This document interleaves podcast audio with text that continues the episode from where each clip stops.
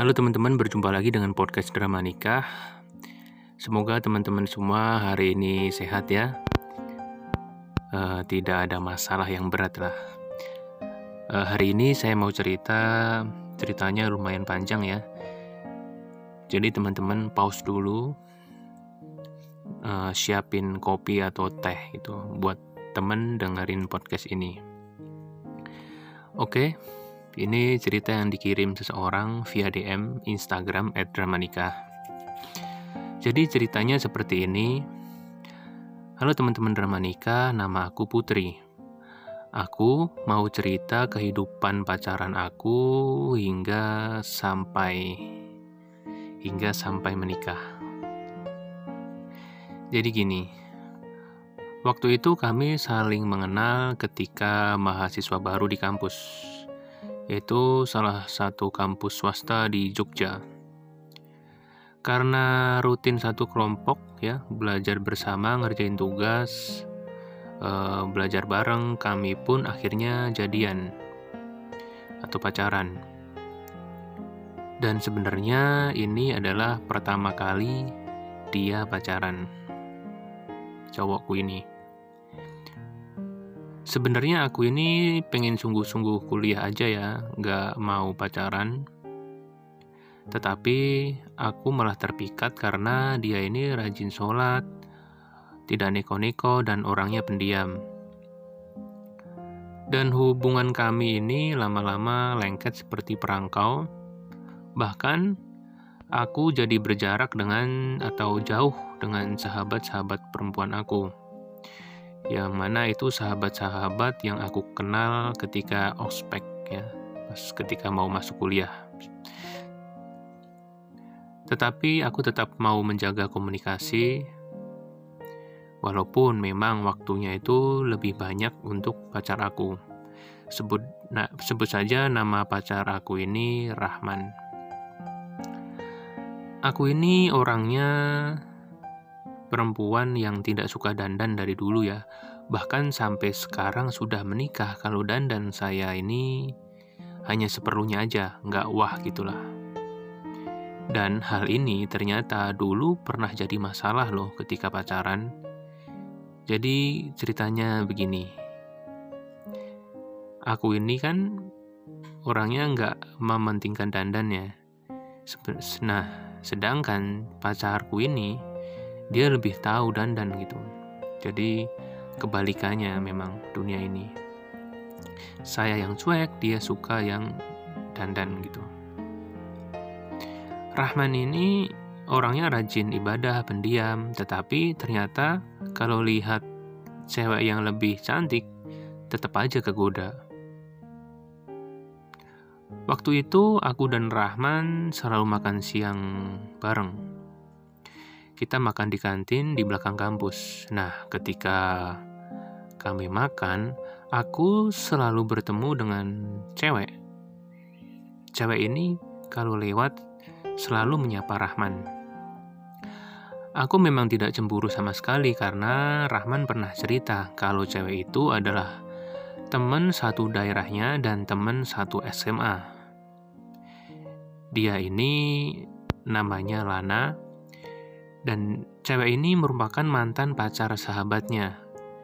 Nah, kata Rahman, dia ini uh, Rahman suruh jaga dia ketika kuliah di sini, kurang lebih kayak gitu. Jadi Lana ini man, uh, temen pacar temen Rahman dan katanya intinya suruh jaga ketika kuliah di sini. Oke. Okay. Oke lah aku maklumi lah. Ketika mereka harus keluar bersama, atau Rahman harus menolong Lana ketika Lana butuh, aku nggak cemburu sedikit pun. Kemudian suatu hari kami mau menonton acara musik di kampus karena waktu itu ada acara ulang tahun kampus. Bintang tamunya acara musik itu yaitu Raisya.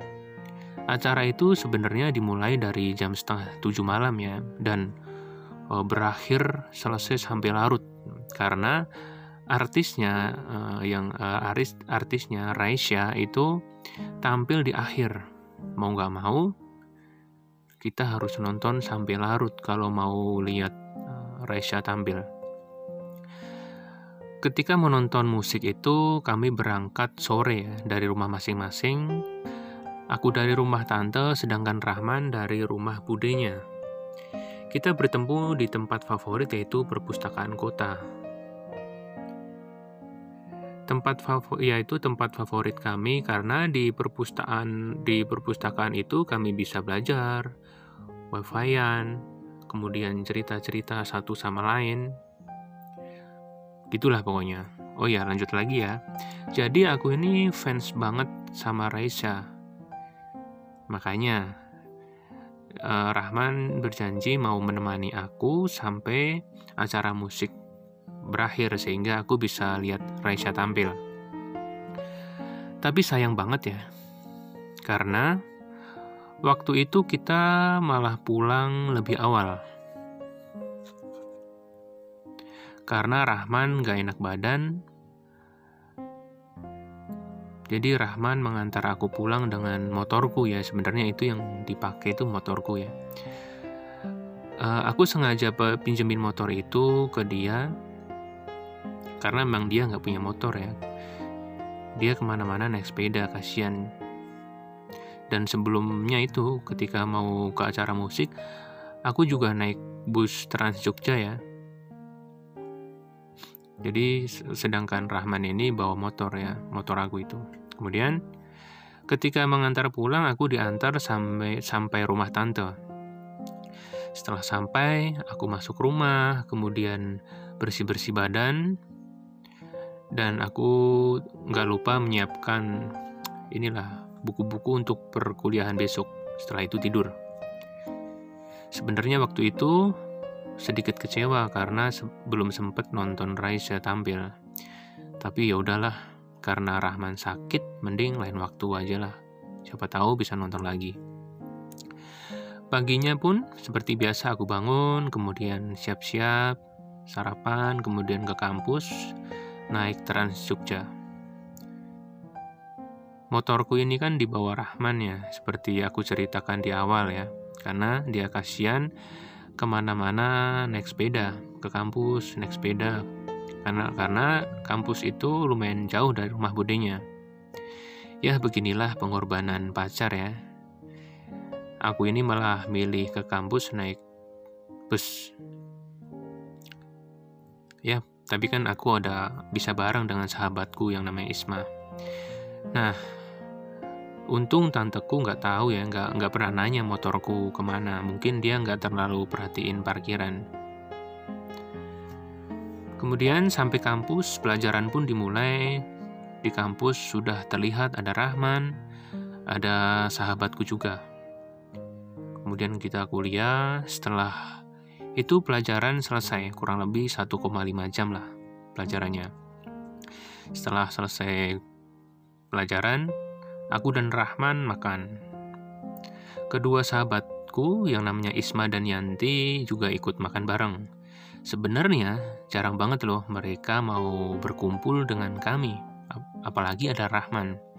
Karena jujur dari awal eh, ketika kami pacaran mereka kurang suka. Karena semenjak pacaran emang ya saya ini jarang ngumpul dengan sahabat-sahabatku tetapi untungnya teman-temanku ini masih menghargai Rahman lah. Ya, sehingga mereka harus berdamai dengan keadaan. Nah, ketika kami makan soto, tiba-tiba ada Lana yang lewat. Eh, Lana ini teman SMA Rahman ya, yang seperti aku ceritakan di awal. Ketika Lana lewat depan kami, dia lewat depan kami, tiba-tiba dia bilang sesuatu ke Rahman. Rahman, makasih ya semalam udah mau datang ke kos aku, nolongin aku nyembuhin teman aku yang kerasukan. Kata dia sambil tersenyum ke Rahman. Aku pun diam dengan perasaan panas dingin. Aku langsung bertanya ke Rahman, Loh, Bukannya semalam kamu izin pulang karena sakit ya? Kok ke tempat Lana?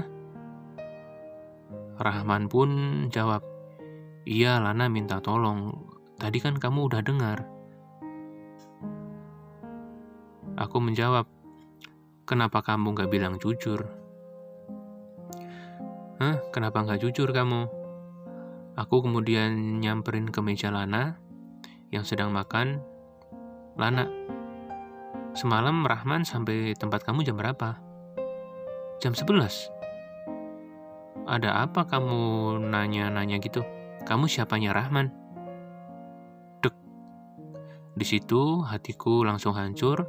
Ternyata Rahman belum cerita kalau ya, aku ini pacarnya. Aku ke mejaku lagi dan bilang ke Rahman,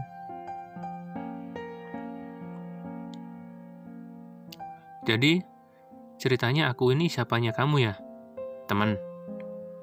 Baik, makasih ya. Kemudian aku pergi membayar makananku di kasir. Aku juga bayarin makanan Meli Isma dan Yanti. Selesai bayar, aku kembali ke meja. Terus bilang, kamu semalam ke tempat Lana pakai motorku ya?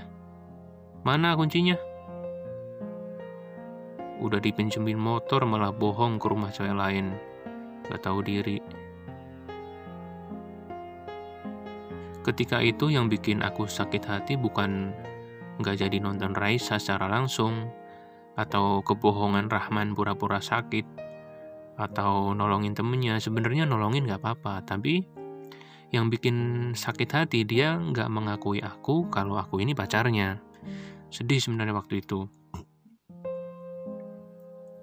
Gini aja, kalau kamu malu mengakui aku pacar kamu, nggak secantik dia, nggak apa-apa. Lebih baik kita putus aja. Kata aku ke Rahman. Sebenarnya aku juga baik-baik aja kok tanpa kamu. Aku pun pergi sambil mengajak Isma dan Yanti meninggalkan Rahman. Ayo kita pergi, sebentar lagi praktek dimulai. Makanan kalian udah aku bayar ya. Kita pun pergi, Isma dan Yanti melirik tajam ke Rahman. Ketika di laboratorium, tempat praktik biokimia, Rahman beberapa kali mendekat sambil bilang, Put, maafin aku dong, maafin ya. Sampai tiga kali dia deketin, padahal aku udah pindah-pindah tempat. Sampai akhirnya asisten dosen bilang, ini sudah masuk semua ya. Nah, akhirnya praktek dimulai. Nah, apesnya ketika praktikum, aku ini malah satu kelompok dengan Rahman, hanya berdua. Jadi satu kelompok cuma berdua. Ketika praktek, aku banyak diem, bahkan aku selalu menghindar dan jaga jarak. Setelah praktek selesai, Aku bilang ke dia untuk minta putus. Rahman, Rahman pun hanya diam. Beberapa hari kami dipertemukan kembali dalam keadaan canggung ya, karena mau gak mau ketika di kampus kan gak sengaja entah papasan atau apa, jujur aku masih kesal dan enggan sekali melihat mukanya. Tetapi aku tanggung jawab uh, kuliah sampai lulus demi janjiku ke orang tua karena aku ini belum dapat balas jasa mereka yang udah besarin aku. Kemudian tibalah waktu itu hari Kamis. Aku ke kampus datang lebih awal karena pengen pakai wifi gratis. Uh, waktu itu juga ada presentasi, jadi aku nggak mau telat. Tiba-tiba Rahman datang duduk di depan aku. Jadi waktu itu di lobi kampus, karena aku duduk di situ mempersiapkan presentasi. Kemudian Rahman bilang, Put, aku minta maaf ya. Aku gak bermaksud berbohong sama kamu. Karena kalau kamu tahu aku ke kos dia, pasti kamu gak izinin aku. aku ini cuma menganggap Lana temen, hanya temen. Karena seperti yang aku bilang, aku sudah janji menjaganya. Ini ini pesen teman aku sendiri mantan dia namanya Lutfi. Kan aku pernah bilang kan dulu Lutfi memang udah putus sama Lana, tapi memang dia masih khawatir, jadi aku suruh jagain dia di sini. Aku langsung jawab, terserah kamu, kalau udah putus, ya putus. Mau ada rasa cinta, juga bodoh amat, itu bukan urusan aku. Oh iya, aku juga minta maaf ya selama pacaran. Mungkin kamu malu karena aku gak pernah jaga penampilan. Aku juga tahu kok, kalau kamu pernah bantu Lana perbaiki laptop kan ke tempat servis. Padahal aku tahu loh, kamu ini kan duitnya pas-pasan. Segitunya ya, kamu rela berkorban untuk Lana. Udahlah, akuin aja.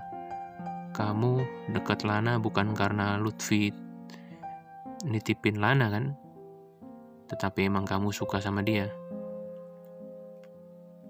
Rahman pun diam. Kemudian aku menutup laptop dan mau berdiri. Tiba-tiba Rahman pegang tanganku. Tunggu, tunggu, tunggu, Pit. Tunggu, Put. Aku mau jujur, Put. Gini, aku memang ada rasa cinta ke Lana. Maaf, aku salah. Memang aku ada rasa cinta ke dia. Kemudian langsung aku lepasin tangan dia. Oke, tolong bilang ke Lana, aku ikhlas. Yaudah, aku mau pergi dulu. Rahman pun berdiri dan dia menghalangi aku. Dia bilang,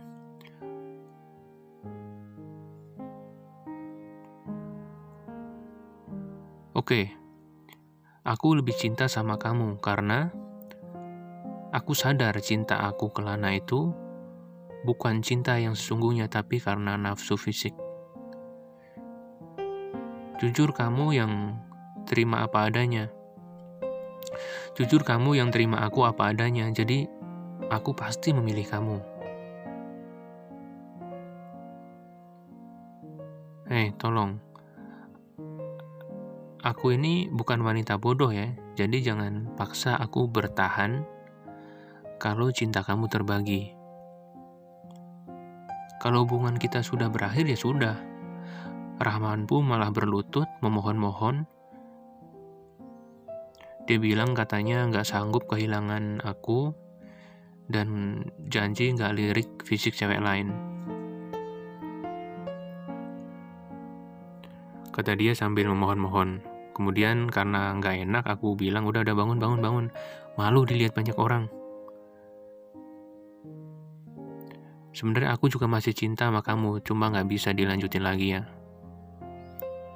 Dia tetap bilang memohon-mohon, katanya minta kasih kesempatan untuk memperbaiki semua yang salah, dan dia berlutut. Tiba-tiba dari jauh datang dosen, Pak Agung namanya. Kemudian Rahman pun berdiri, karena dosen bilang, ayo masuk, uh, kelas sudah mau dimulai kan? Rahman pun diam. Setelah itu kami tidak berantem, tidak pernah berantem lagi sebenarnya ya. Dan kita pacaran kembali, uh, tetapi kami pacaran yang positif. Kita hanya belajar bareng, sholat bareng saat waktunya sholat, kemudian kami kadang jalan-jalan ketika hari Minggu. Aku dan Rahman melewati kuliah dengan baik selama satu tahun. Sampai tibalah saat itu sebelum libur semester genap. Aku dan Rahman pergi menghabiskan waktu bersama untuk berlibur menikmati Jogja, di mana tempat kami menuntut ilmu. Namun, Rahman dan aku mengalami kecelakaan kendaraan. Di situ Rahman dan aku sama-sama masuk rumah sakit dan di sinilah perkenalan kedua keluarga kami terjadi. Karena orang tua kami mau gak mau harus ke rumah sakit. Tetapi sayang sekali, mamaku tidak suka dengan sifat ibunya Rahman. Dan mama gak pernah menyetujui hubungan kami. Jadi mama ini nggak suka dengan sifat ibunya Rahman yang sombong ya. Nah setelah keadaan kami membaik, setelah kecelakaan kami pun diizinkan pulang karena waktu itu kami masih ada daftar ulang kuliah. Sebenarnya Rahman tahu ya kalau mamaku sedikit nggak suka dengannya sehingga sempat kita berdebat berdebat e, bahas hubungan kita. Rahman bilang kalau dia pengen perjuangin restu mama aku, intinya dia mau bertemu mama lah gitu. Jadi aku larang. Karena aku ini lebih mengerti watak mamaku seperti apa. Jadi aku melarang Rahman bertemu mama dan untuk uh, dan suruh dia diam dulu lah, sabar aja pasti nanti mama merestui hubungan kami. Tetapi ketika saya bilang, aku bilang seperti itu, tiba-tiba Rahman nampar aku plak ke pipi aku. Mungkin dia nggak suka ya dengan ucapanku. Jujur, terkejut banget waktu itu. Dan dia tetap nampar aku lagi plak. Ditampar pipiku, dipelintir tanganku, Salah satu sahabatku yang bernama Isma melihat melihat langsung, langsung dia pergi memanggil sahabatnya yang bernama Fauzan supaya menghalangi Rahman yang agar tidak berbuat kasar lagi. Hal tersebut terjadi sekitar malam hari ya di lobi kampus. Dan waktu itu juga ada sahabatku yang bernama Yanti dan dia dan dia ini tidak terima mau melaporkan kasus ini ke polisi sebagai kasus kekerasan dan penganiayaan. Setelah berbuat kasar, Rahman pun kabur begitu saja, tasnya ditinggal, yang kemudian diamankan satpam. Aku dipaksa diajak Yanti untuk lapor polisi, kemudian divisum, dan perkara ini membuat hubungan kami semakin rumit. Semakin rumit. Meskipun aku sedih dan kasihan, tapi aku teringat kata-kata Yanti dan Isma. Kata dia, kamu ini gak layak menikah dengan laki-laki kasar. Dia memang pendiam, rajin sholat, tapi kasar, jadi percuma. Masih kok laki-laki yang lain, masih banyak. Sejak saat itu,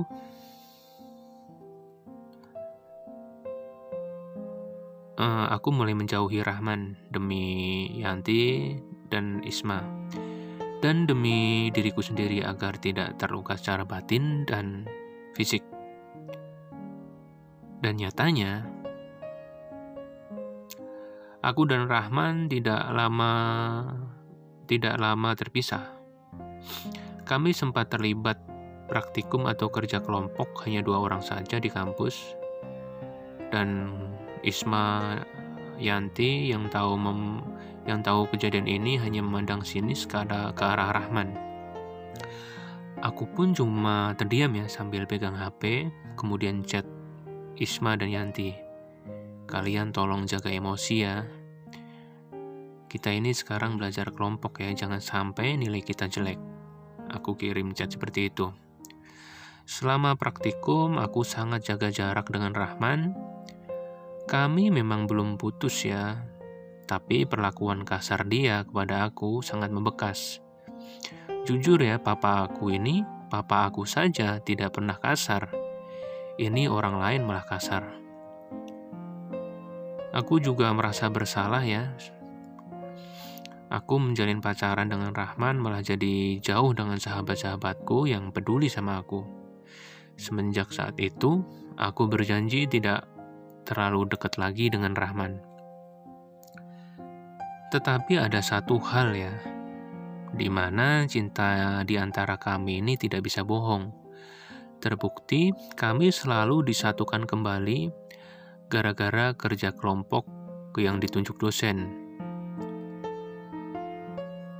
Nah, karena kita kerja kelompok hanya berdua, selesai mengerjakan kelompok pun kami tetap harus lanjut karena kerja kelompok itu harus diselesaikan selama sebulan gitu. Jadi mau nggak mau kita tuh harus bertemu lagi gitu. Karena kerja kelompok itu selesainya satu bulan. Rahman pun sempat minta maaf mengaku uh, waktu itu tertekan ada masalah lain dan berjanji tidak akan emosi dan kasar Aku pun memaafkannya, tapi aku meminta Rahman, jangan sampai ada yang tahu, termasuk Isma dan Yanti, kalau kita ini balikan lagi. Kami pun selalu mencuri waktu untuk berdua, entah pulang kuliah atau ke perpustakaan atau makan bersama. Tetapi ya, lama-lama Isma dan Yanti tahulah Isma pun menerima asal aku tidak lagi disakiti Rahman, sedangkan Yanti tidak bisa terima sikapnya kepada Rahman masih dingin dan sinis. Jujur aku beruntung ya punya sahabat yang perhatian seperti Isma dan Yanti. Di sini ada emoticon love ya. Suatu hari Yanti pun memutuskan untuk pindah kampus karena dia memang jurusan biologi. Dan biologi itu bukan impian dia nggak cocok lah jurusannya. Akhirnya Yanti diterima di salah satu kampus yang jurusannya sesuai keinginan dia yaitu manajemen. Setelah itu ada di suatu masa kalau mama tahu mama tahu kalau Rahman pernah kasar ke aku. Jadi mama menemukan surat laporan kepolisian untuk Rahman. Uh, aku nggak tahu gimana dia menemukan surat itu. Ketika tahu, Mama marah besar, dan sejak itu dia cerewet ke aku. Nah, tanpa sepengetahuan aku, Mama ini ternyata ke kampus memen mem menemui wakil dekan. Dia menemui wakil dekan meminta agar Rahman dikeluarkan dari kampus karena pernah berbuat kasar bahkan sudah dilaporkan ke kepolisi. Sebenarnya laporan kepolisian itu memang sudah dicabut ya dan berakhir damai karena Rahman min sudah minta maaf dan mau berubah. Tapi namanya seorang mama yang melahirkan aku, dia tidak terima kejadian itu. Walaupun kasusnya emang sudah lama ya. Aku tahu kalau mama ke kampus karena diberitahu Isma. Saat itu, Isma sedang ke ruang dekan lah mengurus penelitian kemahasiswaan. Dan ketika dia ke ruang dekan, dia melihat mama ada di situ. Isma pun kasih tahu aku. Nah, ketika itu hatiku langsung hancur.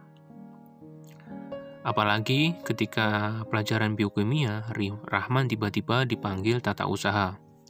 Katanya dia suruh menghadap dekan. Nah, semenjak kejadian itu, Rahman sifatnya langsung berubah. Dia sering diam, gak ngomong sama aku. Jujur feelingku gak enak banget sore itu. Aku meminta Fauzan, sahabatku, untuk ketemu Rahman, yaitu mengantar ke rumah budenya, ke rumah budenya yang lumayan jauh dari situ. Nah, ketika di rumah budenya katanya Rahman belum pulang. Ya udahlah, kami pun pulang. Besoknya saat kuliah pagi dan sebenarnya saat saya saat aku satu kelas dengan Rahman, tetapi ketika memandang ke sekeliling ternyata Rahman gak masuk. Chat yang dari kemarin aku kirim ke WA cuma centang satu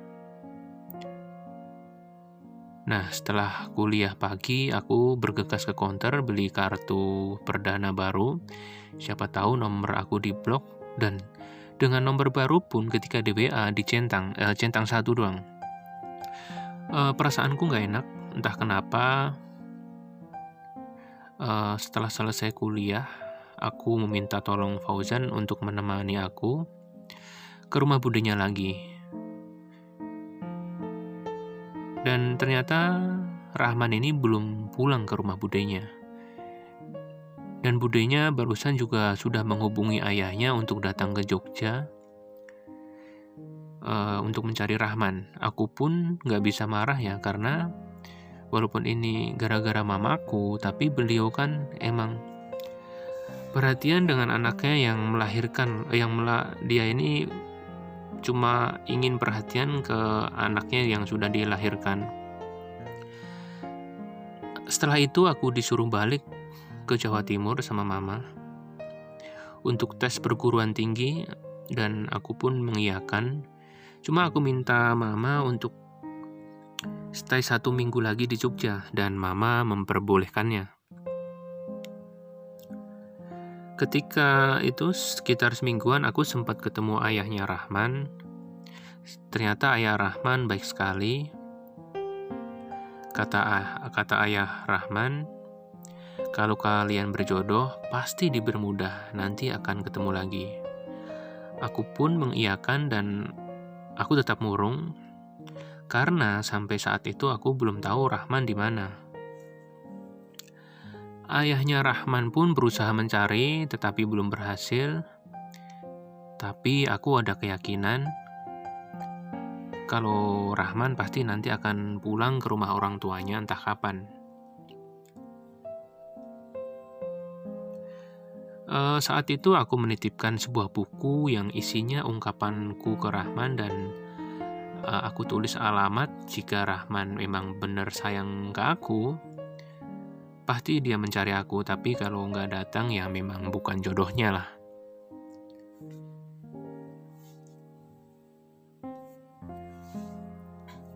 Enam tahun berlalu dan waktu itu aku sudah jadi sarjana Alhamdulillah, aku juga sudah bekerja, tetapi jujur di pikiranku, di pikiranku masih ada Rahman. Selama enam tahun aku tak menjalin hubungan pacaran dengan siapa pun.